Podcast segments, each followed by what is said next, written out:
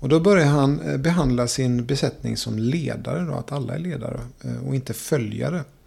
Han börjar ge kontroll istället för att ta kontroll. Välkomna till Lättrörligt. Här pratar vi om agilitet, förändringsledning och ledarskap. Jag heter Alex och vid min sida har jag Jesper. Luta dig tillbaka eller för all del framåt om ni föredrar det, för nu drar vi igång. Är du redo Jesper eller? Ja, jag är redo. Nu jävlar. Då är det faktiskt dags för avsnitt 19. Och faktum är att det kommer också bli avsnitt 20. För vi kommer eh, ta tillfället i akt och liksom dela upp det här avsnittet i två. Mm. För det kommer bli lite längre, insåg jag när vi satt med eh, förhandsarbetet. Mm. Och sen är det även sommar snart. Så att då är det väl skönt att eh, ta lite ledigt från det. Ja, och det är väl kanske skönt att folk får ledigt från oss. Ja, så Kan det vara så? Men vi kommer komma tillbaka. Ja. För det har vi bestämt oss för. Ja, det har vi. Och sen kan man alltid lyssna på gamla avsnitt. Ja, det kan man också göra. Ja. Finns ju då ett antal att lyssna på. Eh, då är det väl vanligt, eh, som vanligt då, att vi kollar lite läget. Och Mm. du lust att, att börja Jesper? Ja, jag, jag börjar med foliehatten direkt. då. Ja, ah, gött. Mm. Då tar vi den. Så, så det har ju blivit ett inslag där jag tar på mig en foliehatt och maroderar eh, dig med diverse olika osannolika grejer. Sist var det ju den här vasen, men nu är, och jag har pratat om UFO. Men nu är det en UFO-update. Ah, spännande. Eh, Det har hänt lite. Eh, Det visar sig att det har ehm, ehm, en amerikansk underrättelseofficer. eh, Inte pensionerad men han har slutat som under. Han fungerar som visselblåsare. Han heter David Grush tror jag. Han har gått ut i media och sagt att amerikanska flygvapnet har ufon. Eh, hela som trasiga. eh, Förstår jag det som. Och eh, eventuellt också efterlämningar av... Men är de per definition ufon då? För det känns som inte som att de är identifierade då. Ja, det är Men de kallar dem för UAP. Det är en Unidentified Autonomous P. Det borde jag kunna, men någonting. Så de har renamat det lite. Men han har jobbat som underrättelseofficer i, i, liksom, i den häraden. De har alltså... Ja, du eh, menar i ufo? UFO, Träsket. UFO-sfären. Ja.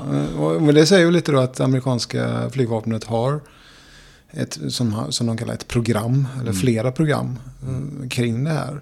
Jag menar, hade det inte varit en grej så hade de inte haft det. Mm. Det är ju en sak att reflektera över. Eh, Men den andra saken att reflektera över är att nu är det inte vem som helst. Det är inte Kalle-Pelle som har sett något flyga över åkern. Utan nu är det en, en underrättelseofficer som är verifierbar att han har jobbat, om det var 14 år innan det här. Mm. Och jobbat med de här frågorna. Och nu säger han det då. Och det gör ju det hela, vad ska man säga, vi tar det hela kanske ett eller två steg eh, närmare till att, att vara, vara någonting. Då. Mm. Eh, sen kan man ju alltid spekulera i att, att eh, nu, nu kör man det här som en cover-up. Det är aliens liksom. Och så gör man något annat bakom scenen. Lite grann för att alla, du vet som en trollkonstnär. Eh, du vet, de gör någonting som, man tittar på en grej och så Mm. gör han något annat. Men vad skulle det vara då? Nej, jag vet inte, men det, det kan man spekulera i också. Att man... Nej, jag har inget svar på det. Men, men det är väl alltid, om man vänder på foliehatten eh, lite grann och tänker, vad, varför kommer det här ut Mm. av trovärdiga källor? Är det för att dölja någonting annat? Eller är det bara så att nu är det viktigt att sanningen kommer ut och amerikanska folket som är förda bakom ljuset och senaten och så vidare. Mm. Men de ska ha sådana här hearings i senaten kring det här då. Så att, Med honom eller? Ja, med honom och runt omkring och liksom... För att du skickade ju ett klipp till mig. Mm. Det som är lite, det som jag tycker sticker ut då, nu la jag väl inte ner hjärta och själ i att titta på detta, men det är två kommentarer då från hans sida. Dels så säger han ju där att det här är lite, vad som man kallar det som någon kapprustning. Du sa att USA har ett program Mm. och han hävdar ju då att även eh, Ryssland och eh, Kina, han kanske, inte, han kanske inte namngav vilka länder, men, men eh, pekar väl åt den riktningen att de också har program då för detta. Och sen på någon fråga huruvida det hade varit eh, utomjordingar på jorden så, så svamlar han väl fram någonting som ändå antyder att det är så är fallet. Ja, det gjorde han. Det gjorde han. Uh, lite grann sådär. Och det, jag vet inte riktigt. De har ju ett, vad ska man säga, ett typ av språk. Mm. Som är, det är ju lite, det är inte facksvenska, men det, det vet man använder vissa ord och lite grann för att man ska slingra sig lite. Mm. Jag tror att antingen han gör det både medvetet och omedvetet. Uh, vilka ord han använder. Uh, men det är intressant. Uh, men om man, om man tar på sig den liksom kritiska glasögonen lite grann. För mm. att tittar man på det här så är det ju... Alltså det, det framstår lite konstigt för han säger så här liksom att ja men det, det är hemlig, hemligstämplat men jag kan ändå säga det här fast det är hemligstämplat. Mm. Han säger ju kanske lite grann men ändå inte någonting och så skyller han på att det är hemligstämplat. Men då har han ändå sagt någonting så där blir ju frågan direkt okej okay, vad är det som är hemligstämplat och inte. Och eh, överhuvudtaget så här eh, ja, det, det känns inte, alltså trovärdighetsgraden. Visst, jag köper det du säger att okej, okay, ja, men det kommer ytterligare en snubbe med, som är en, en, eh, en person som ändå har jobbat, verifierbar person. Mm. Och det betyder, det, det betyder ju någonting. Men, men eh, just, eh, och, och när man tittar på klippet så, ja, jag blir inte liksom så här typ tokövertygad. Utan det är ju den, det argumentet som du för fram att okej, okay, nu kommer en verifierbar person som har någon slags insikt och säger mm. det här. Det är det som är eh, liksom, nyhetsvärdet. Ja, precis. Man får ju vara hälsosamt skeptisk också. Eh, det håller jag med om. Eh, samtidigt så är det ju liksom om det här, om det är sant. Mm. Då är det ju liksom, då finns det ju ingen större nyhet än den. Mm. Nej, precis. Så att om du är ohälsosamt eh, omfamnande till detta, mm. vad gör du av det då? det var, vad heter han nu? Fox Mulder, I want to believe. Ja, det. Arkiv X. Mm. Det är inte så man vill. Men samtidigt vill man det. Vill, vill man att det är utomjordingar i, i atmosfären lite grann? Uh, jag vet inte. Men hur aktuellt var detta? För han, hade han varit på Joe Rogan också eller? Nej, det, ja, det här är liksom dags, dagsfärskt mer eller mindre. Okay. Uh, så det har slått upp lite här och var. Uh, I olika medier och så. Eh, så jag tror att, att vi, vi närmar oss någonting. Så vi får väl, det kanske kommer fler UFO-updates här mm. i, i podden. Mm. Eller världens största cover-up story till ja, något annat. Precis. När vi, någon drar ner byxorna på oss och bara, nej. Mm. Ja, jag vet inte. Men eh, spännande är det lite grann. Och det de gör, det de pratar om att de vill ju, vad heter det när man, man, man, man har en teknik, man förstår inte riktigt den, hur den funkar och så försöker man liksom back engineering. Liksom. Mm. Det är det som eh, man pratar om att få militära fördelar. Då, för att nu eh, de har något material, de flyger på något sätt. Du vet, de pratar om anti-gravity och alla möjliga grejer. Då. Eh, rena Star Trek. Mm. Ehm, så. så vi får se. Vi får se. Ehm, så det är det på foliehattsfronten. Ja, ja, men det är ändå intressant. Mm. Eh, nu sitter vi hemma hos dig idag. Ja. I ditt fräscha kök. Det gör vi. Det är Äntligen klart. Ja, det är klart till 99,7 procent. Det är en lampjävel som inte funkar som den ska. ja, och den hade visst transmotorn blivit inbyggd i ja. någon, någon, eh, ja, något det, ställe där. Det är lite olyckligt, men det kan nog lösa sig tids nog. Ja. Den har funkat, men den slutade funka. All right. Men uh, utöver det så är jag nöjd. Jag har en uh, stor sån här Pax-garderob. Mm. Som står där borta som ska montera i hallen. Mm. Är, det här, är det kommande helgs aktivitet här? Ja, för börja. Alltså jag har monterat såna här Pax-garderober förut och det brukar ta några dagar. Mm. Uh, dels för att man inte har tiden att göra det hela tiden. Mm. och dels för att den är, det är bara stort och otympligt. Mm. så det ska vi göra. Mm. Härligt. Vad har hänt på din front då? Ja, på min front? Nej, nu har jag ju liksom eh, börjat ge mig in på dina domäner. Ja. Eh, lite grann. Det vill säga eh, matlagning i trädgården får man väl kalla det då. Ja. Eh, men, och primärt grill. Eh, mm. och jag har alltid tyckt som med mycket som du gör så har jag tittat med ett skeptiskt öga. Mm. Eh, men jag måste säga att jag är faktiskt ganska såld på det här med, med grill. Sen är du och jag helt uh, olika djur när det gäller detta. Jag pallar inte kolgrill. Mm. Uh, och liksom hela ritualen så som jag ser att när du uh, domderar framför dina liksom, mm. grillar att du att verkligen går igång på. Men däremot gillar jag ändå att stå ute med en gasolgrill. Det går relativt snabbt. Mm. Eh, tycker det är svinkul. Och så har jag hoppat på, som många andra, då, den senaste eh, TikTok-trenden som kallas för Big Mac Taco Smash Burger. Mm -hmm. Har du hört talas om den? Alltså jag är inte på TikTok så jag är... Men du har kids så jag tänkte det kanske på något sätt. Ja, nej. Nej, då är ju det en... en eh, och jag har ju också, bara för att tillägga det, jag köpt ett, en, ett stekbordsinset till min grill då. ja just det. Så man lyfter bort ett galler och så sätter man in den. Mm. Eh, Man hade kunnat köpa, lägga, också lägga den på, men det blir ganska... Eh, snyggare då. ja, exakt.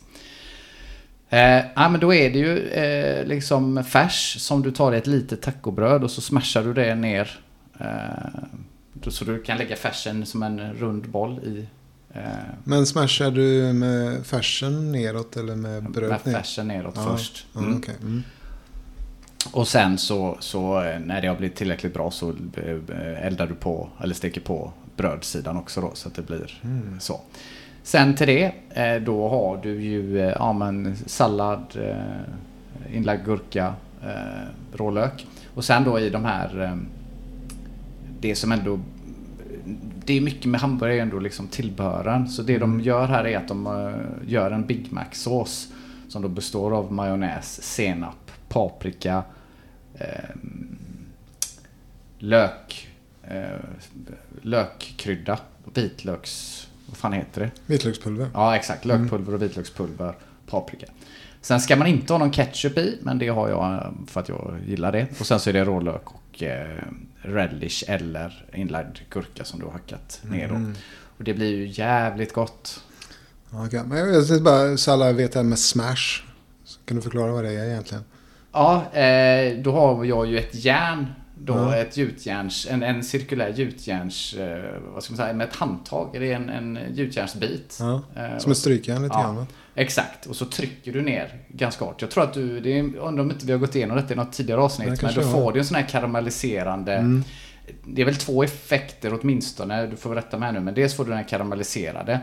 Men sen får du också då, i och med att det går så snabbt, så får du också safterna i köttet att, att i någon mån bli kvar. Än om du liksom drar på en tjock burgare som är kvar länge. Då är det lite svårare att hitta rätt, eh, eh, rätt läge då.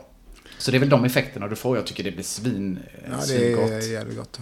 Men sen om vi har pratat om det, det tål ju att upprepas. Ja, verkligen, verkligen. Och faktum är att jag har ju gjort det flera gånger och jag har ju också bara gjort vanliga smashburgers. Liksom, eh, sliders har jag gjort då, det vill säga Mm. små hamburgare, köpt små hamburgare och tar bara 40 gram eh, färs i en boll då. Ja, det är och, lite- ja, och så bygger på höjden istället. Ja, det, alltså det är så gott.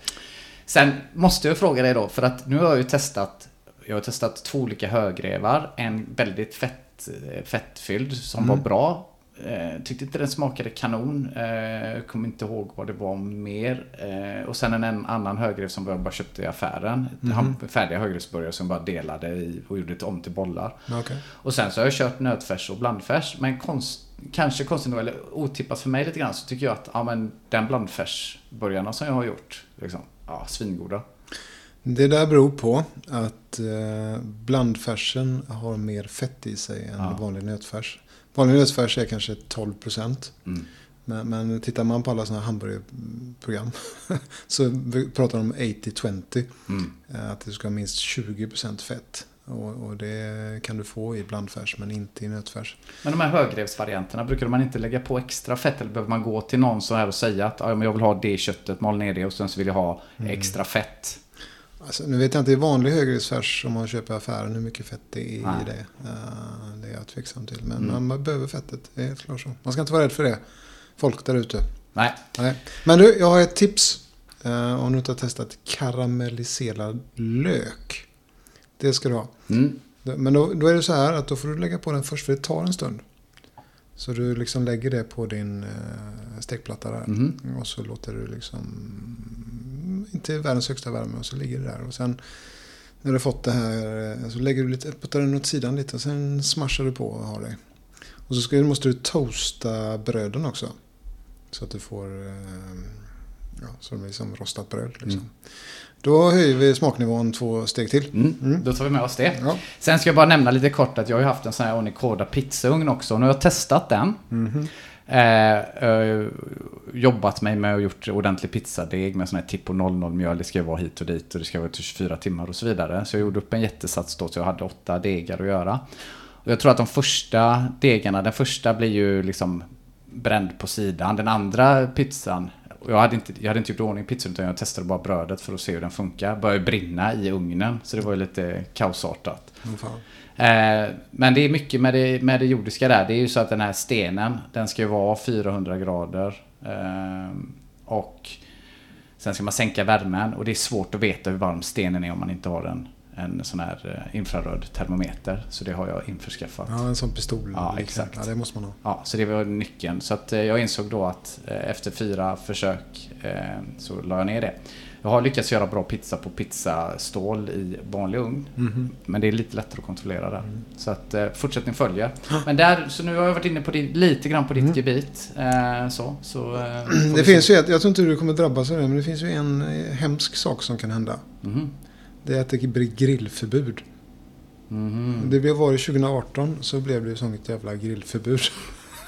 Och vad gjorde du då? Gick i landsflykt? Nej, men då fick man återgå till köket och laga grejer där. Det var helt värdelöst. Så nu är det ju bra väder och det är eh, liksom varit torrt. Och det, jag tror det är eldningsförbud ute nu. Ja, nästa steg är ju grillförbudet. Ja, det blir ju bevattningsförbud blir det ju eh, sådär. Det har inte det kanske exakt med det att göra men det är ju relaterat till att det är bra väder. Så Mm. det blir bevattningsförbud. Så det är väl bara det kvar då i Ja, det är en sån liksom, steg. Alltså bra väder är bra. Men det är bra om det regnar då och då också. Mm. Ja, ja, men då är vi väl hyfsat incheckade eller? Ja, jag tycker det. Nu ska vi ha riktigt, återigen så här riktigt bra radio som vi brukar säga. Du ska rita lite för mig. Mm. Och framför dig har du några eh, pennor Ja, och eh, papper. Jag, nu ser, jag ser att du bara tagit ut några pennor. Jag behöver allihop alltså. Ja, Ja. Egentligen behöver du inte allihopa. Eh, vi ska se. Röd, blå, gul, grön, brun. Så, nu hörs det dåligt i micken också så jag får komma tillbaka. Men där har du Röd. röd. Ja, Jag har två blad, det behöver jag inte. Ja, du får välja själv. där. Ja, det rasslar lite här. Men Ja, så, så nu har vi penna och papper. Ja. Eh, och du ska få en uppgift av mig. det... Mhm. Och så ska jag ta fram klockan här också. Du kommer bara ha tre minuter på dig. Ja, fan. Så det gäller att lyssna ordentligt på vad jag säger här då. Ja, Och om du inte kommer ihåg så kommer det finnas en liten lapp här som du kommer titta på. ja. Det vill säga, ja, den som är där. Och så får du fråga om det är något som du inte kommer ihåg. Men jag kommer läsa här först för dig. Du ska rita en sommaräng. Med 10 blå blommor med 5 kronblad vardera. Sen ska du rita 5 bl- blå blommor med 6 kronblad vardera. 13 röda blommor med 6 kronblad vardera. Sen vill jag att du ritar två kor med tre bruna fläckar. En ko med fem bruna fläckar. Två kor med fyra bruna fläckar. Tre fåglar. En sol till höger. eh, Med fem solstrålar. Ja. Och nu kommer klockan gå igång här och du har ju tre minuter på det som sagt. Okej. Ska jag, jag berätta, jag pratar lite vad jag gör då. Ja, precis. Och det kan ju vara så att vi klipper ner detta om detta blir riktigt tråkigt att följa och så kan vi prata om resultatet sen. Jag har ritat en sol här nu. Ja, Till höger. Till höger om vad då? Undrar man ju då. Det är 5, 2, 5. Ja, gul. Ja, fåglar. Du, jag tänker... Är det en av de här koltrasten Jesper? ja. Eh, De är faktiskt tre koltrastar i, i... Det är någon slags triangeldrama. Två hanor och en hona. De springer omkring där. Så att jag bör- behöver väl namnge två till utav dem här. Det är- Det är svårt att rita fåglar. De ser ut lite som ufo tänkte Ja, det, ja. Eh, ja, det har gått 40 sekunder där då Jesper. Helvete. Jag vill bara säga det. Ja, så det är tre fåglar. Nu ska vi se. Jag går på blommor. Blå blommor. Blå blommor ja. Ja, du kör på där ja. Då är det fem blommor där ja. Och de har... Men det är tio blommor jag ska rita. Ja, just det. Tio blommor med fem kronblad vardera. Ska de vara snygga också? Ja? Eh, det har vi ju inte pratat om riktigt. Men det är väl din egna stolthet som får avgöra lite grann. Det blir sämre och sämre kan jag berätta. Ja, jag ser det. Fem. Ja. Och sen fem. Och så ska man fem till. Tre. Det som händer nu är att Jesper ritar Sex. ytterligare fem blå blommor här med. Mm. Eh, jag bara konstaterar att du har en annorlunda stil när du ritar blommor här. Du ritar eh, bladen som cirklar på en större cirkel. cirkel. Det är ju lite innovativt på något sätt. Då är det en minut kvar Jesper. 13 jävlar. Jag kommer inte hinna det här. 13 röda blommor. Ja, Det blir sämre och sämre. De här röda blommorna de är giftiga växter tror jag. förresten. ja det, de ser väl riktigt giftiga ut. 30 sekunder kvar då Jesper. Man ska inte äh, äta sånt som är rötter. Ja, jag vet inte vad det sägs faktiskt. Ja, när det skiner mycket, jag vet inte. Ja, men det som är blått kanske man inte ska äta heller. Kan vi enas om Det som växer hävdar ju du vanligtvis att man inte ja, ska jag ska äta. inte äta någonting av det. Nej. 16 sekunder kvar. Ja, jag ska säga. Det- Det, jag tycker det är rätt roligt ändå faktiskt. Ja, det var jävla kul. Jag får kramp här. Men inga kossor blir inte helvete också. Nej. Och där är tiden ute så du kan lägga ner pennan. Så Ja. ger du mig den lite grann för att kolla på det här mästerverket. Mm, kör. Då beskriver vi tillsammans lite grann vad vi har då. Då har vi en sol uppe i högra hörnet. Precis Mm. jämte solen, på samma höjd som solen. Så växer ett antal blommor. Ja. Röda blommor.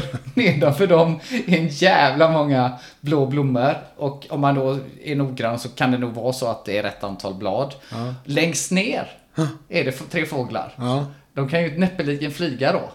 Nej, men de är på marken. Ja, det måste de vara då. Ja, bra så. Jag är fantastiskt nöjd med, med ditt jobb. Du ska Ja. få en uppgift till. Eh, Andra och sista uppgiften. Nu vill jag återigen att du ska ri- rita och nu får du följande uppgift utav mig. Mhm. Rita en vacker solig sommaräng med några blommor, fåglar och kor. Mm. Nu går klockan igång, du har tre minuter även här. Det känns som landscape här tror jag. Jag har ritat ängen. Nu är det... Jag har räknat till fem där. Men det är så. Nu jävlar ska det vara kor med. Ja, en sol och en äng. Eh, ska vi se, vad sa du? Några blommor ska vi ha också. Gula. Vi tar...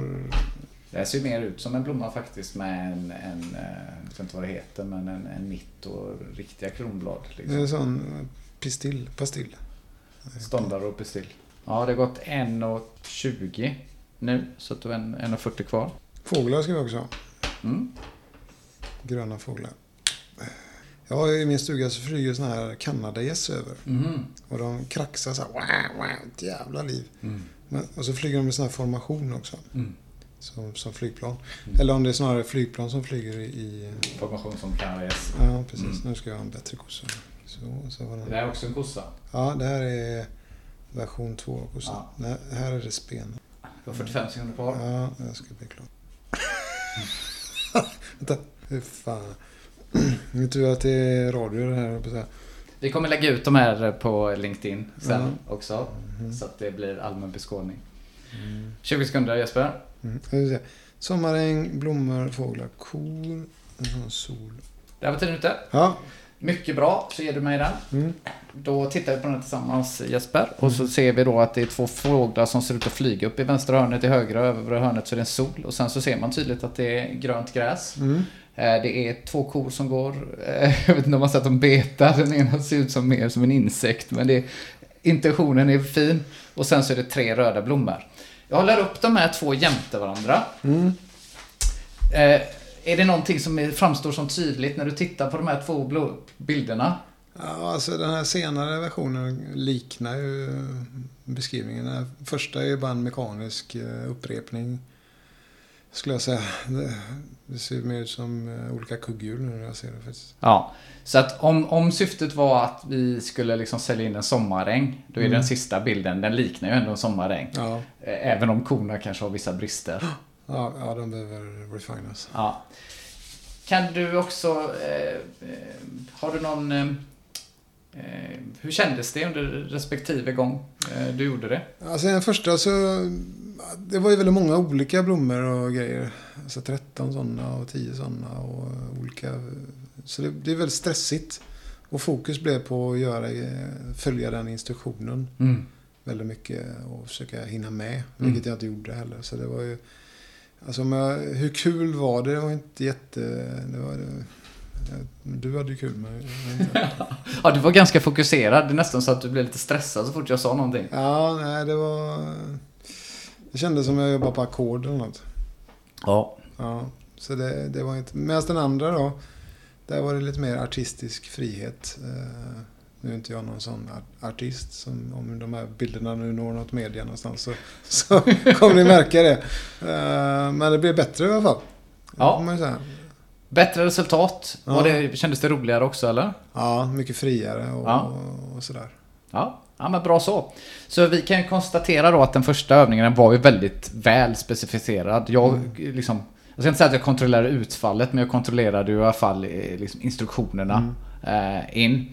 Och i andra fallet så var det mer öppet. Och jag gav en intention med vad vi ville uppnå.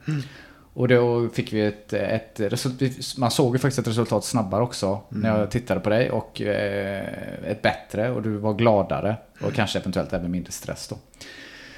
Så dagens ämne, det ska handla lite om en ledarskapsfilosofi eller ett ledarskapsramverk som jackar in i detta.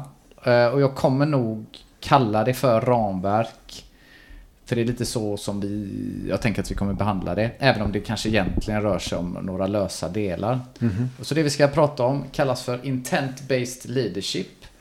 Eller avsiktsbaserat ledarskap på svenska. Eh, Och vi ska först upprätthålla oss, eh, uppehålla oss lite kring eh, upphovsmannens, för hans eh, bakgrund är lite intressant. Och jag har skrivit ner en grej här så jag tänkte att du kunde läsa, om du kan läsa från det pappret som står här. Mm. Så eh, får du lov att ta vid där. Får får jag läsa lite fritt eller vad det står? Eller måste jag... Ja, Vad är din... Ja, men det... Upphovsmannen till uh, Intent Based Leadership, det, han heter David Marquette. Och en, han är då en före detta ubåtskapten i amerikanska marinen. Och han gick vägen till ubåtsstyrkorna via US Naval Academy. Där han tog examen som toppstudent. Jag undrar om de har några sådana här ufo-gubbar där. Ja, okej. ja, Det har de säkert. Han, var, han är ingen sån dock. Han är ingen sån då. Men han började som ingenjörsofficer och upptäckte att han störde sig på den traditionella liksom, ledar-följar-modellen som de har inom militären då. Eh, eller vad blir det, marinen. Och då började han experimentera och försöka bemyndiga besättningen på olika sätt. Eh, med ett blandat resultat, ska man tillägga då. Eh, så fick han möjlighet att ta över som kapten för, jag tror en sån här ubåt som heter USS Olympia. Och då fick han ett år på sig att förbereda sig. Och, och anledningen varför det var så lång tid, ett år då, det var att, att eh, som kapten ska man veta allt om ubåten och berätta för alla vad det ska göra. Eh, men lite oväntat då så fick han med kort varsel eh, istället ta över en annan ubåt som heter USS Santa Fe. Santa Fe, hur säger man det? Santa Fe? Ja. Santa Fe, ja. Eh, och då var den den sämst presterande ubåten i hela flottan. Och dessutom var det en typ av ubåt som David, han visste inte någonting om den.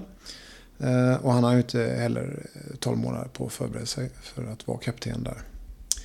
Så eh, efter ungefär en månad så genomförde den här Santa Fe en enkel övning som gick ut på att man skulle simulera ett fel på reaktorn. En sån här atomubåt. Mm. Eh, och i övningen så eh, ställs drivningen om till elektrisk drivning. Från vad då? Från, från eh, Atomär. atom, atomär drivning. Ja, jag vet inte. Men, Atomdrivning. Atomdrivning. Ja, eh, så istället för atomframdrivning så är det elektrisk drivning då. Och då sa han, Eh, David, han, gav en, en order då. Ahead two thirds, sa han. Eh, officeraren på däck repeterade, ahead two thirds. Men ingenting hände. Eh, då började David ifrågasätta den här rorsmannen eh, som var den personen som skulle utföra orden. Vad felet var och, och rorsmannen svarade då att det finns inget som heter two thirds eh, på den elektriska drivningen. Eh, officeren som hade repeterat orden gjorde det. Eh, helt medveten om att orden var fel. Eh, David insåg att den här ledar-följar-miljön inte var så lyckad. Eh, så han gjorde ett nytt försök med de teorierna han hade experimenterat tidigare. Och då började han eh, behandla sin besättning som ledare, då, att alla är ledare och inte följare. Han började ge kontroll istället för ta kontroll. Och då, det som hände då var att den här Santa Fe-utbåten gick från sämst till bäst inom marinen. Hans utbildning i US Naval Academy Han har handlat om att få människor att göra det de blir tillsagda. Och det var inte det han behövde i krävande och kritiska situationer. Eh, och han utvecklade då sin enkla jag avser-fras, I intend to. Eh, syftet med denna fras var att teammedlemmarna, eller ubåtsbesättningen då, att, att istället för att komma med frågor och problem skulle man komma med lösningar. Så teammedlemmen eh, kunde beskriva ett problem men sen själva säga vad det var skulle göra åt det. Genom att säga att jag avser att och sen komma på lösningen då. Eh, det här var, en, eh, det var den förändringen av kontroll som är grunden för det här ramverket Intent-Based Leadership. Eh, Och eh, Marquette han slutade 2009 i marinen och sen dess har han, han agerat föreläsare och författare. Och så har han gett ut en bok 2013, Turn the Ship Around. Där han berättar om sin tid på Santa Fe. Han har, förutom den här boken då, eh, Turn the Ship Around, även skrivit Leadership is a Language. Leadership is language. Mycket bra. Ja, Mycket bra. Eh, där är vi ändå relativt bekanta med. ja. Ja, bra. Eh, Men det är värt att säga att, eh, det kanske vi kommer till här, men det finns en sån här YouTube-video just det. mm, som beskriver det här lite grann. Eh, Den har jag sett många gånger. Ja, Den är ofta med på olika typer av utbildningar och så. Eh, När, och det är ju David som pratar om det från något TED-talk eller något liknande. Och den är ju väldigt bra. Så den kommer vi också länka till såklart om ni har, mot, om ni har missat den. ja, den är bra.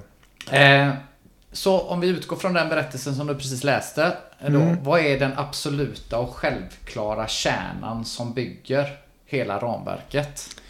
Alltså, jag skulle säga det är den här I intend to, det hör man liksom intent-based leadership. Alltså att, att man avser, jag avser någonting då. Att man som ledare eh, uttrycker det. Då. Ja.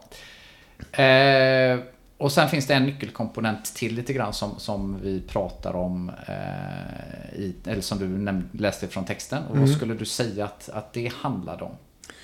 Ja, det är den här att man eh, inte lägger ifrån sig utan man, man delar kontroll. Eh, viss kontroll. Eh, men betydligt att, att det inte följer det längre utan nu får du kontroll Mm. och göra det Mm. av mig då. Så jag skulle säga att det här är de absoluta två. Om man, om man ska beskriva detta på sin absolut mest grundläggande eh, sätt och vad det här ramverket innefattar så är det frasen och eh, liksom förmågan att lämna ifrån sig kontroll. Då, där, där fras, frasen är lite av en facilitator eller en enabler för att kunna lämna ifrån sig eh, kontrollen. Så det är en bra början på ett ramverk. Vad, vad, och vi som rör oss mycket i, i ramverksvärlden, vad brukar mer finnas med i ramverks... Nästan alltid förekommande så finns det en, något, någon, en beståndsdel i ramverk. Ja, ja det, egentligen finns det två men men jag tror det du tänker på här är principer. Ja, Ja, men men ändå pratar om det brukar folk klämma med värderingar också. just det. Men, men eh, ja, det är väl det som i allmänhet. Och det där finns ju för att eh, om man liksom, specifika metoder passar ju inte överallt. Eh, Och då använder man sig av antingen värderingar och principer för att liksom, man ska tillämpa den principen i, på sin arbetsplats eller i sin organisation eller vad vet jag, i sin familj. Mm. Helt riktigt. Och i detta fallet så finns det sex principer. Och om vi då hoppar till principerna, som var sex som vi sa, så eh, är de som följer då, då är den första då, Push authority to information.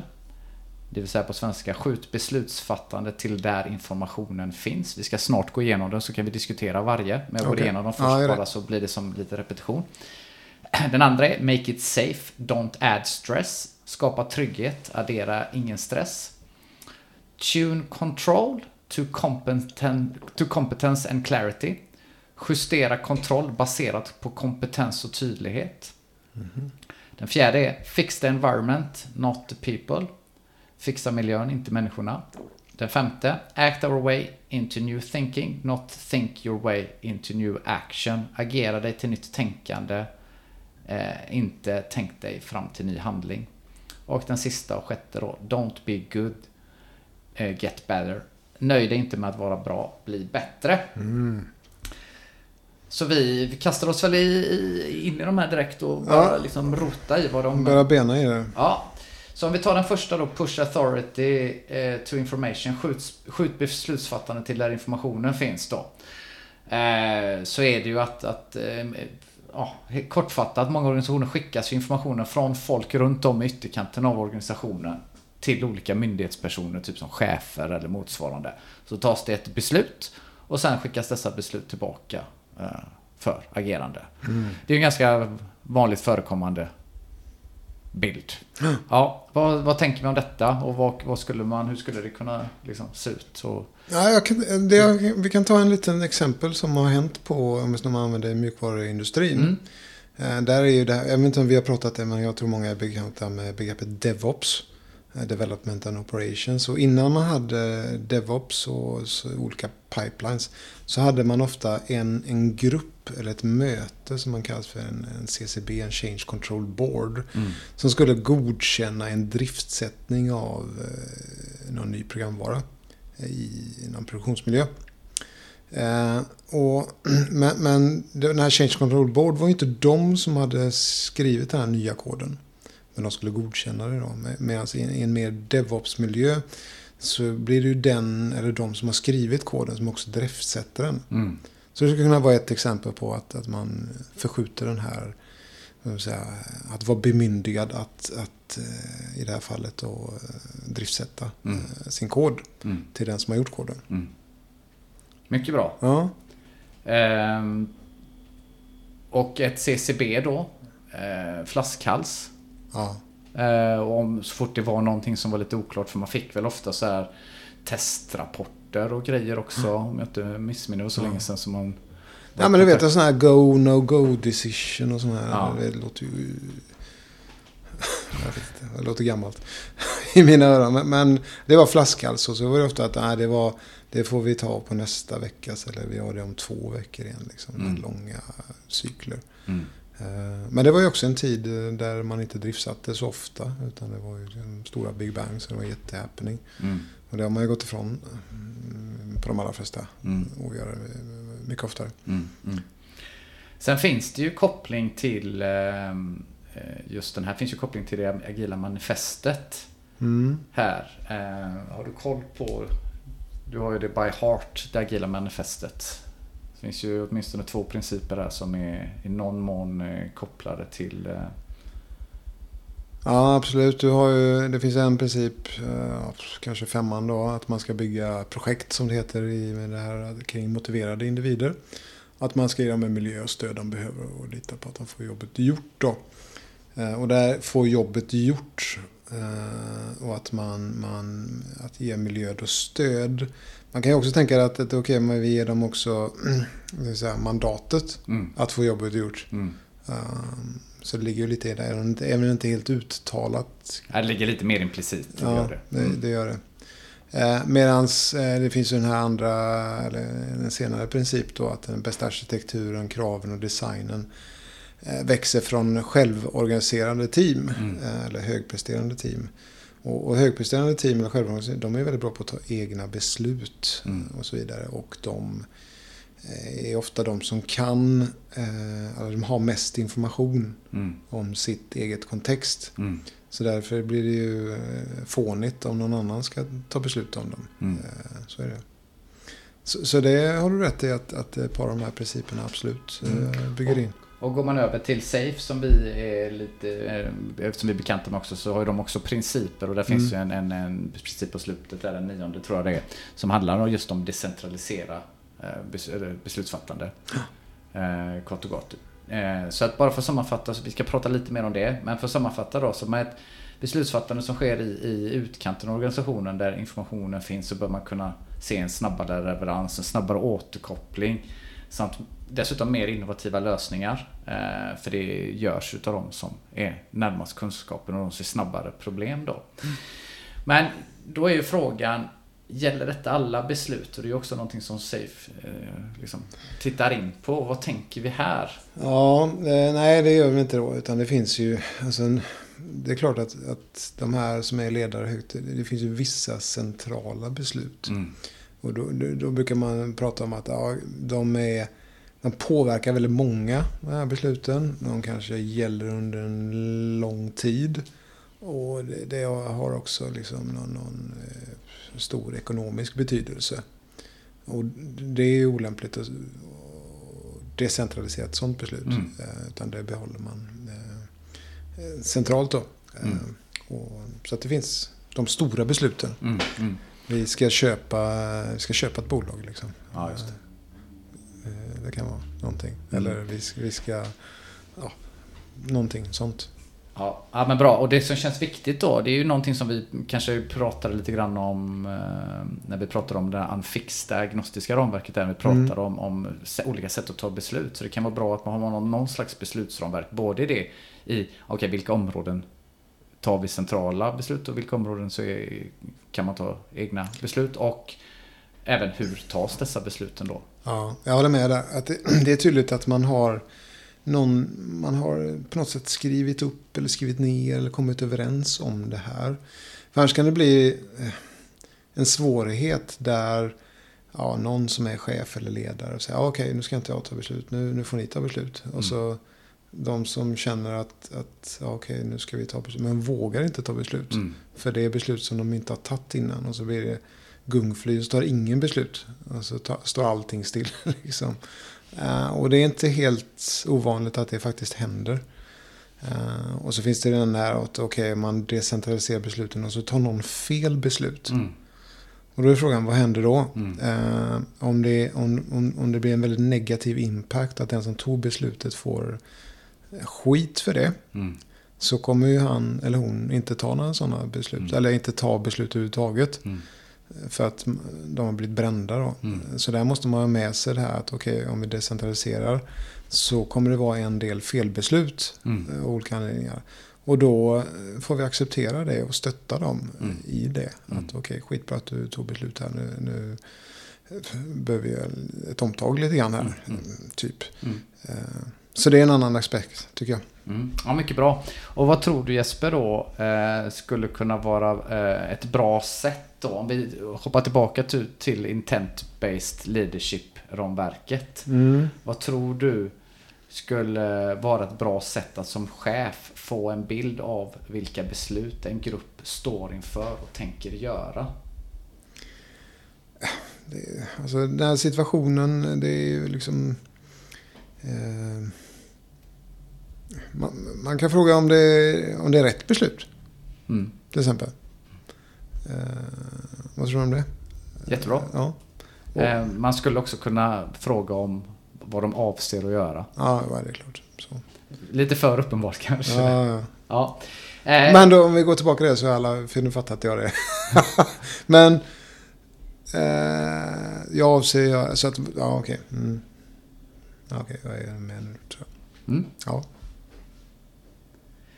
Eh, och till sist också då här, just när det gäller denna principen, så kan man ta som ett exempel att eh, David Marquette, eh, när han pratar om eh, de besluten eh, som togs på ubåten, så var det ett beslut som man alltid höll för sig själv och det var att avfyra torpeder. Mm. Det var ett sådant stort beslut som kunde ha så stora konsekvenser så det beslöt han att behålla för sig själv då. Mm. Så det går ju i linje med vad du resonerade kring. Just det. Mm. stora strategiska beslut som påverkar många. Ja men bra så. Princip 1 i på banken. Mm. Vi tar eh, princip nummer två. Mm. Make it safe, don't add stress. Skapa trygghet, addera ingen stress. Och då skulle jag vilja lägga upp det som så här att som ledare så bör vi då i allra största utsträckning eh, göra vårt bästa för att inte lägga på någon stress. Så vi vill undvika att skapa en miljö där man är rädd. Det har vi mm. pratat om tidigare. Eh, Fear-based environment eller rädslebaserad miljö.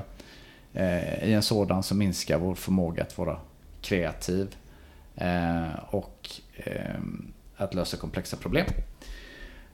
Och vi måste tillåta människor att kunna utmana oss och vi måste också stödja människor så att de vågar och kan dela det som finns i deras huvuden. Och vi har pratat om detta ett antal gånger. Mm. Avsnitt fyra tror jag, om mm jag mhm. inte missminner mig, så pratade vi om psykologisk trygghet. Det gjorde vi. Mm. Ja. Och vi pratade då om psykologisk trygghet på fyra nivåer och det kan väl vara läge att liksom bara repetera det. Eh, så se hur, hur eh, mycket du kommer ihåg så långt tillbaka i tiden. men, men det måste varit förra året ju. Ja. ja, precis. Men ja. det här är ju ändå något som vi... Ja, vi jobbar med det. Jag, ja, jag skojar lite. Ja. nej, men det handlar om att man är, ska känna sig inkluderad. Mm. Man inte exkluderar och fryser ut människor. De, det går ju liksom inte. Då ska de inte känna sig trygga för fem öre. Mm. Uh, att man vill lära. Mm. Uh, då, kunna ställa frågor och lära sig om saker och ting. Och det är inget konstigt. Och man frågar den där akronymen. Vad är det egentligen? Mm. ska ju kunna vara enkelt att kunna göra då. Mm. och sen handlar det om att kunna bidra. Mm. För, för, givet att man känner sig lite trygg så, så kan man också framföra sina egna idéer vad man ska göra. Mm. även om, om Ja, ibland så är det fel idéer, men så det inte blir pinsamt eller förlöjligad lite grann. Mm, mm. Liksom. Det är ju väldigt viktigt då. Eh, och sen kan man ju då också även eh, ifrågasätta mm. andras eh, idéer. Mm. Och, och, inklusive de som är några typer av auktoriteter. Eh, mm. eller har någon högre position i någon hierarki än sig själv.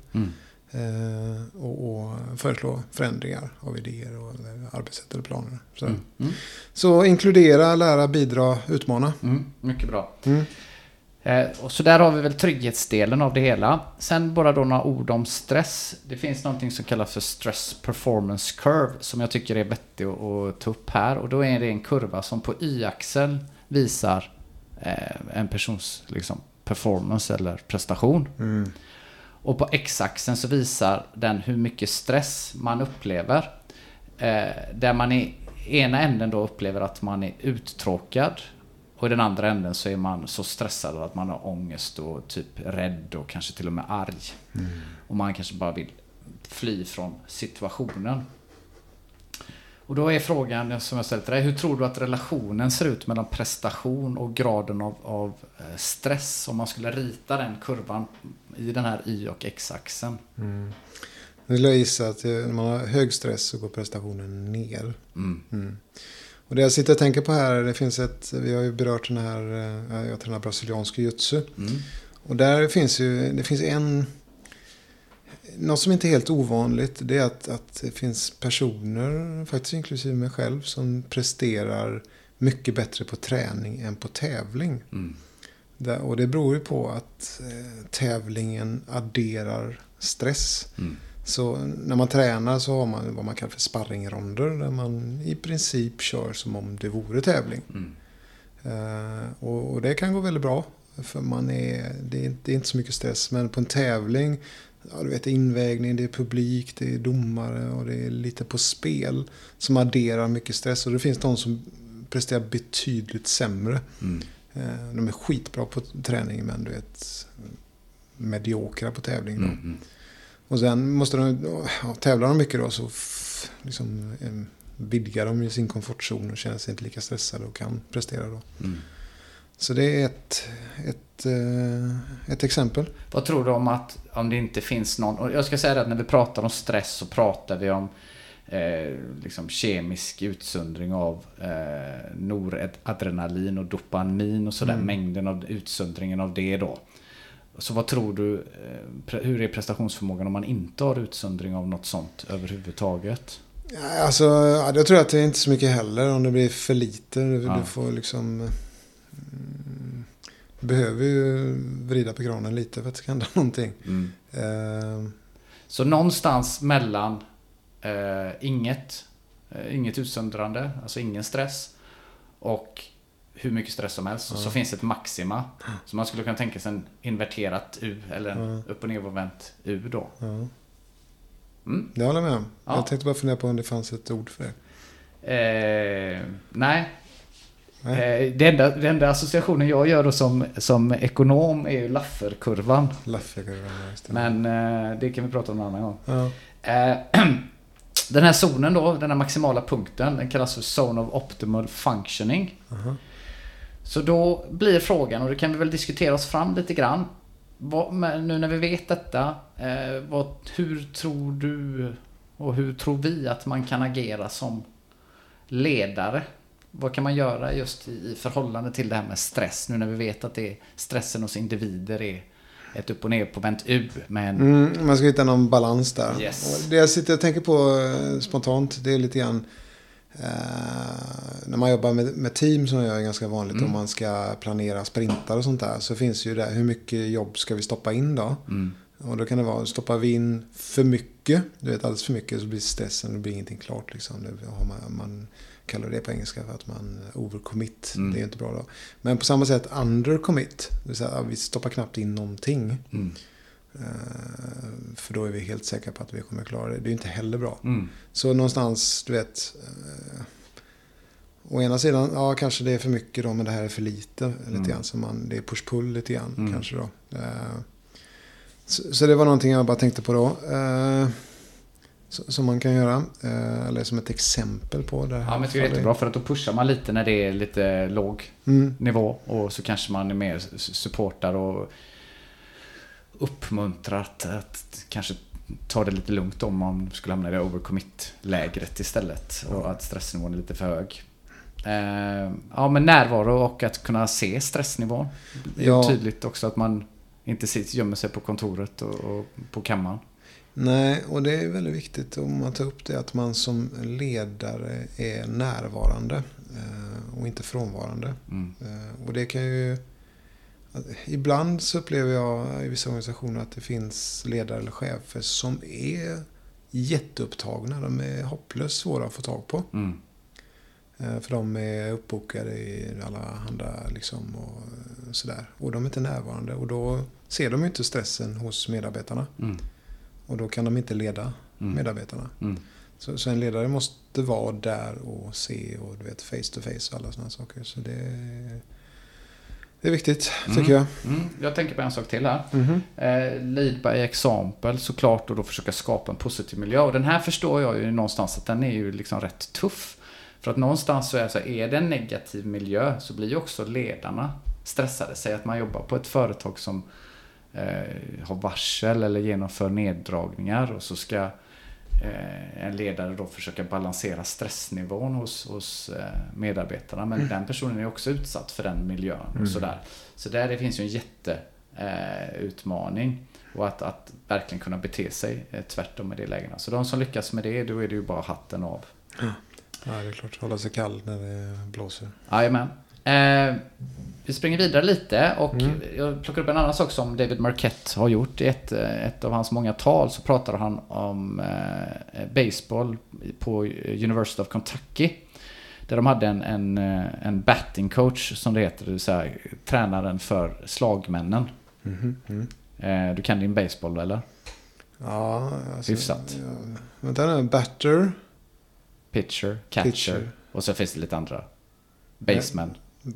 Men han spottar Ja, mycket. infield, är, så- vilka, är det som, vilka är det som spottar mycket? då? Är det allihop eller? Vet de Ja, alla spottar. Infields outfield. Vi behöver inte gå in på Ah, det nu. okej. Ja, jag är så jävla bra. Jag känner Ah. mig helt off. Ja, men Ja. hur som helst. Tränaren som tränade slagmännen, han eh, på, på University of Kentucky, han coachade sitt team så stenhårt när de skulle slå. Så att det, liksom, det gick inget vidare och han frågade vad det var som var fel och då kröp det fram att många kände sig stressade. Eh, så coachen var helt uppenbart tvungen att, att hitta en annan approach. Så, och det gjorde han. Eh, och när det var dags för slagträning, han skulle coacha sina slagmän och de satt och diskutera. Vad tror du att han eh, gjorde istället? Och Ta det då i ljuset av vad det är vi pratar om idag. Då gissar jag att han, han frågade på något sätt vad de av, avsåg att göra Ja, när de stod där. helt riktigt. Eh, och han hade ju då kommit i kontakt med eh, Marquettes lära. Ja. Och gav över, gav över kontrollen till slagmännen att själva fundera på. Slår du för, står du för nära plattan? Håller du in armbågen? Vad gör du?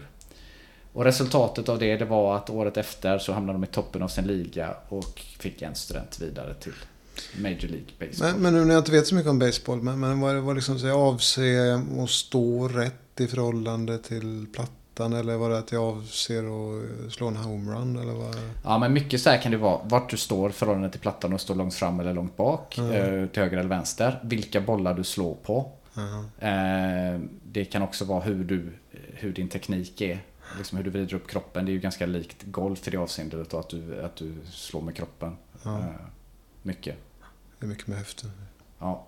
Ja. Okej, ja. Så så var det. Där tycker jag att vi har klarat av eh, princip två. Make it safe. Skapa trygghet. Don't add stress. Men då är jag bara tillbaka där. Eh, Säg att de missar. De sa att jag ska slå, eh, jag ska slå på curveballs. Säger vi. Mm. Och så missar de. Mm. Vad, vad gjorde coachen då? då? Så han är idiot. Nej, kan sagt. Det, ja, om, vi skulle, om vi spekulerar här lite grann då. Hur blev det safe? eh, Det jag undrar. Liksom. Det, för att, kunde de misslyckas även om de avsåg? Eller blev det... eller Ja, vad var... Vet du vad, vad liksom säkerheten kom in i bilden? Var det, eller att, var det säkerheten att de själva fick bestämma vad de skulle göra? Just det här exemplet pratar ju inte så mycket just om säkerhet utan det handlar ju mer om, om eh, eh, att inte ska eh, vet addera stressen som hans coachning gjorde tidigare. Så att i någon mån så, så är det möjligt att de skapade ett tryggare rykte och jobbade det. Men när David Marquette pratar om det så pratar han inte om... Han tar inte upp det exemplet för att påpeka just om trygghetsaspekten utan han pratar mer om stress Stressen. aspekten Mm. eh, på det. Så jag vet faktiskt inte exakt hur de jobbar. Men Jag kan tänka mig att i och med att han hade kollat in i detta så har han säkert kollat på fler aspekter Mm. än, än, än just det. Men det var nog den stora förändringen då. Att istället för att sitta, håll in armbågen, ställ dig så, gör så, gör det och det. Inför det här slaget, vad Mm. avser du göra? Och så slog, de, slog han på en curveball. Och så sa du, okej vad hände nu? Ja, Mm. jag slog på curveballen. Okej, och vad blev resultatet av det? Eh, ja, men det var att jag fick träffa den under, bollen underifrån. Okej, vad, vad avser du göra nästa gång? Jag slår inte på curveballen. Liksom. Så så var Mm. Den, processen. Ja, okej, så, Och ja. den i sig själv liksom, kan ju ha skapat eh, en trygghet då. Men det- är ju en koppling till eh, det här med öppna frågor lite grann. Mm. Eh, vad avser du göra och vad händer då? Mm. Så, det, det är ju öppna frågor som Mm. vi pratar om. Mm. Vi har pratat om många gånger tror jag. Mm. Mm. Och vi kommer återkomma till det Mm. eh, i slutet. Så håll den tanken. Vi kommer ju nog springa på den fler gånger. Ja. Eh, och så kom lite närmare micken också om du kan. Jaha. Ställ micken närmare dig. Alltså, är det så? Ja, du blev så jävla bekväm här nu. För nu tar vi princip nummer Jag var safe. Det var ingen stress. Trodde du ja. Avser, avser du höras i avsnittet någonting? Ja, okej. ja, ja, nu sitter jag mer... mm, Ja, det är för goda stolar. Jag avser att sitta Upp. bättre. Ja. ja, det är för goda stolar helt Ja, det är enkelt. Eh, Vi si- sitter aldrig så skönt som vi gör när vi sitter, som vi sitter hemma hos dig. Hemma hos mig sitter vi på pallar, men här sitter vi i riktiga kontorsstolar. Ja. Ja, skämt åsido. Nu kommer vi till princip nummer tre. Tune control to competence and clarity. Justera kontroll baserat på kompetens och tydlighet. Och vad kan detta nu betyda då? Eh, det här handlar ju då i grund och botten om att få människor att tänka och att tillåta människor att tänka. Eh, och som ledare innebär det att man inte ska hantera varenda detalj. Så här behöver man då släppa över kontrollen. Mm. Och vad, vad, vad skulle vi säga då utifrån den här korta introduktionen just till den här principen och vad skulle du säga krävs för att medarbetare ska känna att de kan ta kontroll? Ja, ty- och det har vi pratat om också, att det är viktigt med liksom mål Mm. och vision. Vart är vi på väg? Mm. Vilken riktning har vi? Mm. Vad är det vi ska uppnå? Eh, Alla de där sakerna Mm. eh, blir, blir viktigt. Så att jag, för att ta den, är säker på att jag tar ett, rätt, ett steg ett beslut åt rätt håll. Mm. Mm. Eh, är väl det som behövs då. Mm. Mycket riktigt. Lite tillrättalagd fråga kanske. Så inom intent-based leadership så brukar man prata om att tydlighet och kompetens det är de två pelarna som möjliggör att så man har de två pelarna, ovanpå ligger då kontroll och det är det som möjliggör att kontrollen kan skiftas över till medarbetarna.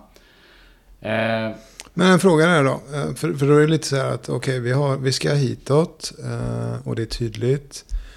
Och så lämnar jag ifrån mig kontrollen, men så gör jag det till någon som inte har kompetens Mm. nog. mm. Och då funkar det inte.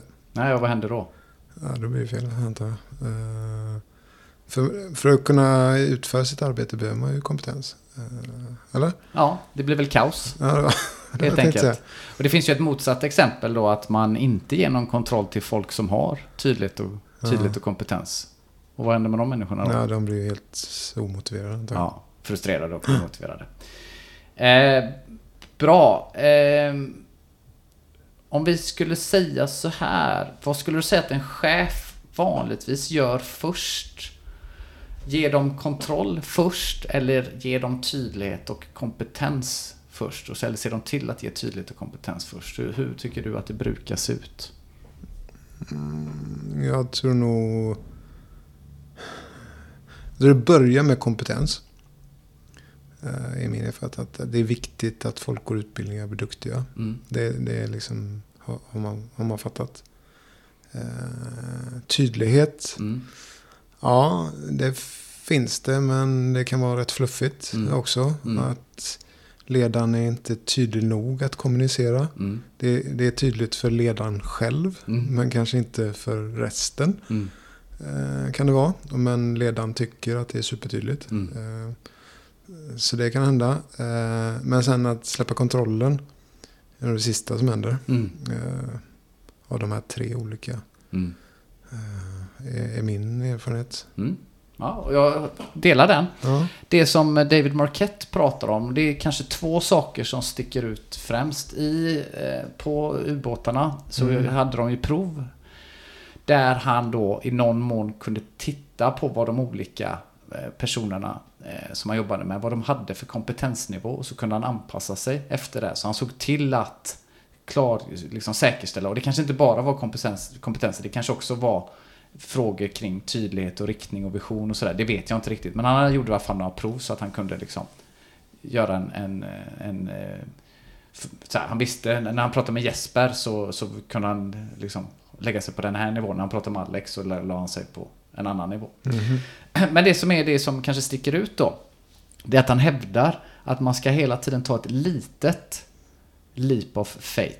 Mhm. Det vill säga man, man släpper lite på kontrollen. Och därefter så ser man vilket gap som finns. Och man tydliggör vad gapet finns i fråga av tydlighet eller kompetens. Okej, det, här, det här lilla steget då gick lite fel. Så ja, vad, är det som, vad är det som saknas här? Ja, det är inte tydligt nog. Nej, men då löser vi det. Eh, och så fyller man det gapet. Och sen släpper man lite på kontrollen igen. Och så ser man vad det finns eh, för gap. Alltså, jag tänker på det, det är jävligt bra faktiskt. Eh, Och det är ju lite i, vad ska man säga, kring ett inkrementellt arbetssätt. Mm. Där man istället för, okej nu ska vi decentralisera alla beslut och så, puff, nu får ni ta det och så tar jag de här stora besluten. Och, och så tror man ett, tu, tre att det ska funka. Mm. eh, Vilket det inte gör då. Mm. Men det här, alltså nu när jag tänker på det, att okej, släpper lite undan för undan. Eh, lite, du vet, i, någon typ tidsperiod eller inkrementellt eller vad man Mm, mm. väljer att kalla det. Det är mycket mer attraktivt. Mm. Eh, för då kan man eh, justera och korrigera Mm. längs med vägen. Mm. Och det är ju hela det inkrementella arbetssättet. Och jag har inte riktigt tänkt på det på det sättet. Mm. Så det var, var bra. Och sista frågan då till dig här på, eh, på eh, princip nummer tre. Hur, finns det något sätt man kan tänka sig att göra detta Ja. som ledare Ja. med sina eh, medarbetare? Mm, kan det vara... Så han kanske frågar om avser att göra. Kan det vara det eller? Ja, eventuellt. Ja, mycket bra. Ja.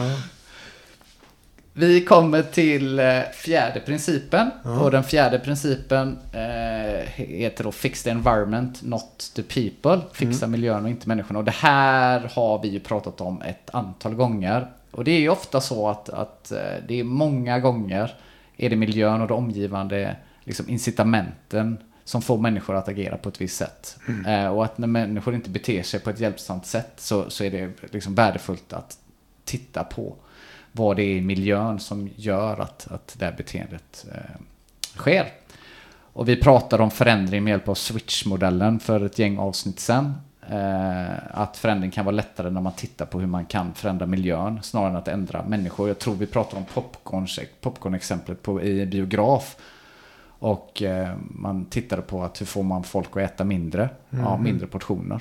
Mm, helt enkelt. Än att snarare gå in och göra någon slags så här, eh, intervention hos de enskilda människorna. Vi har också pratat om vanor.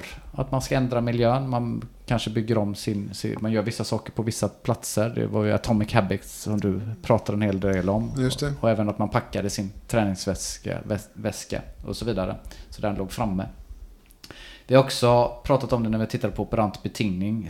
Eh, Skinner och Thorndike. Mhm. Och sen så har vi också nämnt att det är lätt att tillskriva människor attribut istället för hur det blir påverkade av omgi- omgivningen. Jag tror första gången vi pratade om det var när vi pratade om operant betingning. Och det är ju en bias som vi människor har och den går ju under namnet fundamentala attributionsfelet. Just. Eh, så att det går...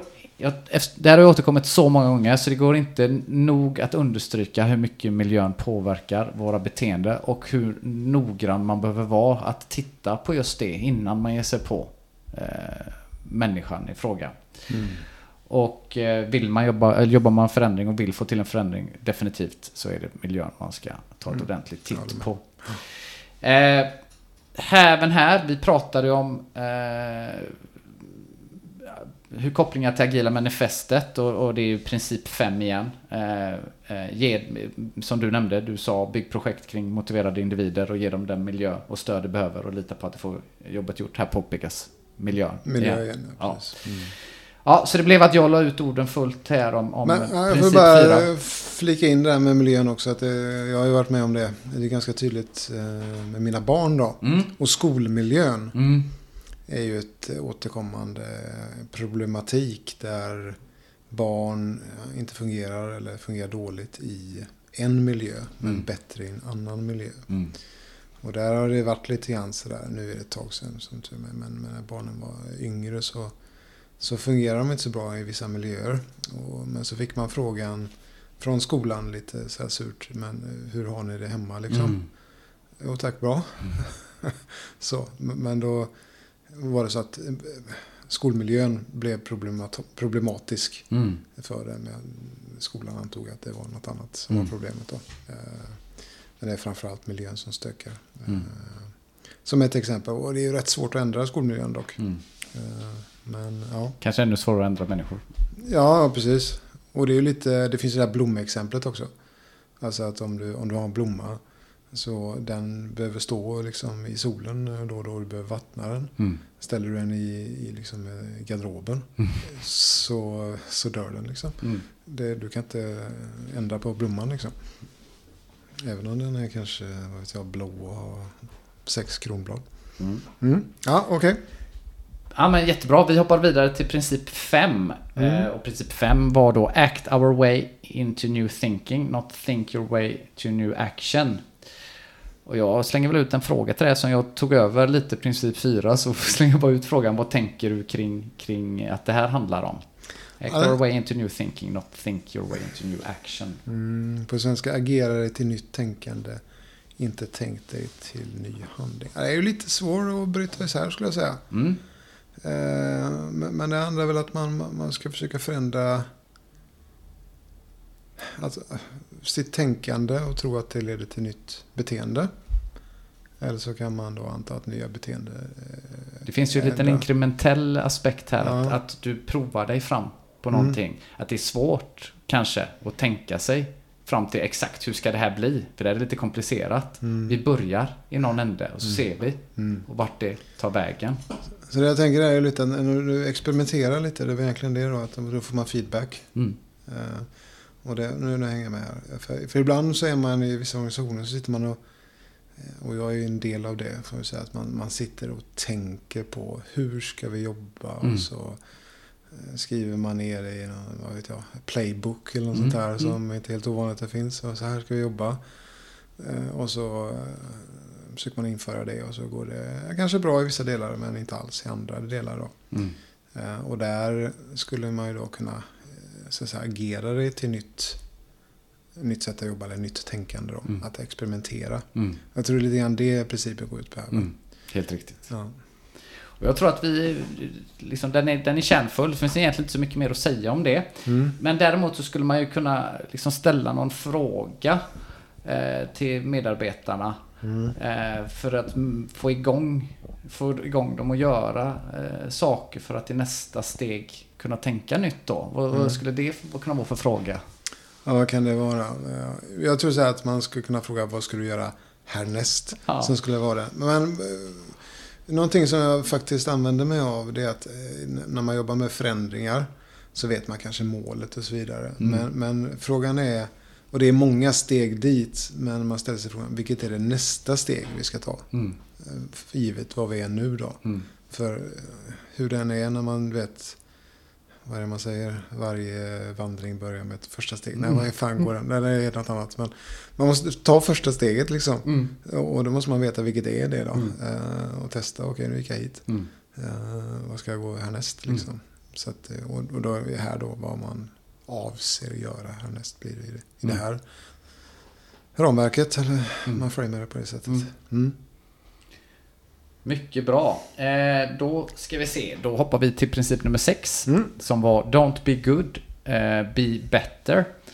Nöj dig inte med att vara bra, bli bättre blir väl den direkta översättningen. När man tittar på detta så är det väl två eh, grejer som sticker ut då. En handlar givetvis då att ha ett regelbundet fokus på förbättring. Hur blir vi bättre? Och oavsett hur bra vi är så kan vi bli bättre. Men Marquette gör också en viktig poäng då genom att vi ibland försöker skydda vårt rykte Mhm. om att vara bra. Eh, och att vi inte tar chanser och risker för vi tillåts inte göra det. Eh, att det finns inte en, kanske en trygg miljö ordentligt. Eh, och det kan då resultera i missade möjligheter och ett slutet sinne. Så det är det han menar med den här principen då att, att man ska stö- som ledare stödja då att, att medarbetarnas jakt på att bli bättre eh, kan innefatta vissa saker. Och då ska man göra allt man kan för att inte skapa en miljö där de känner att de måste skydda sitt rykte. Så så är det. Eh, eh, manifestkungen, agila manifestkungen, det finns ju en princip här eh, som, som jackar in i detta. Se om du kan dra den ur eh, bakfickan. I bakfickan, ja det är väl den sista eh, Tolvan. Det är Ja. tolv principer i det. Yep. Och det är ju att, att med jämna mellanrum ska teamet reflektera hur man kan bli mer effektiv. Mm. Och justera beteende därefter. Ja.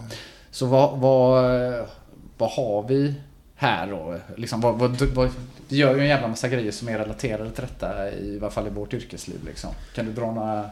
Nej, men alltså det man pratar om ofta är ju continuous improvement. Ja. Eller relentless improvement. Och att man ständigt måste bli bättre. Det, det, det är en sån här genomgående om du tittar agile, lean, eh, Scrum, eh, safe. safe, DevOps, Ja. eh, you name it. Så finns det alltid någon form av feedback och någon form av ständig förbättring Mm. eh, i de här. Och det, det. Men jag kommer att tänka på Don't be good, get better. Det fanns faktiskt en, en nu mer omformulerad MMA-klubb som hade ett slagord, eller en slogan. Why be good when you can be great? Mm. Eh, något, jag tror det var så i alla fall. Mm. Eh, som eh, de på något sätt försökte marodera andra klubbar. Mm. Att okej, de är bra men vi, vi är grymma. Mm. man kunde läsa det så i alla fall. Mm. Eh, men, men det är väl samma. Eh, och man ska inte nöja sig heller. Eh, det är väl det, Mm. tror jag. Mm. Nej, men ett fokus på förbättring helt enkelt kan Mm. vi väl säga. Och nu har vi då gått igenom de här sex eh, eh, principerna. Mhm. Och jag tror att vi är nöjda för det här avsnittet. Ja. Nu finns det då eh, något som eh, vi kallar för The Six Plays och så finns det några eh, metoder. Men de tar vi i nästa avsnitt. Ja, spännande. där rundar vi av Mm. och vi drar repet. Ja, vi får dra. Men du vet vad det där drar repet, vet vad det uttrycket kommer ifrån? Jag har ju tagit ifrån eh, typ Vasaloppet och tävlingar och sådär. Ja, men det kommer därifrån. Jag, jag hörde om, om eh, Göteborgsvarvet. Ja. Då drog de repet.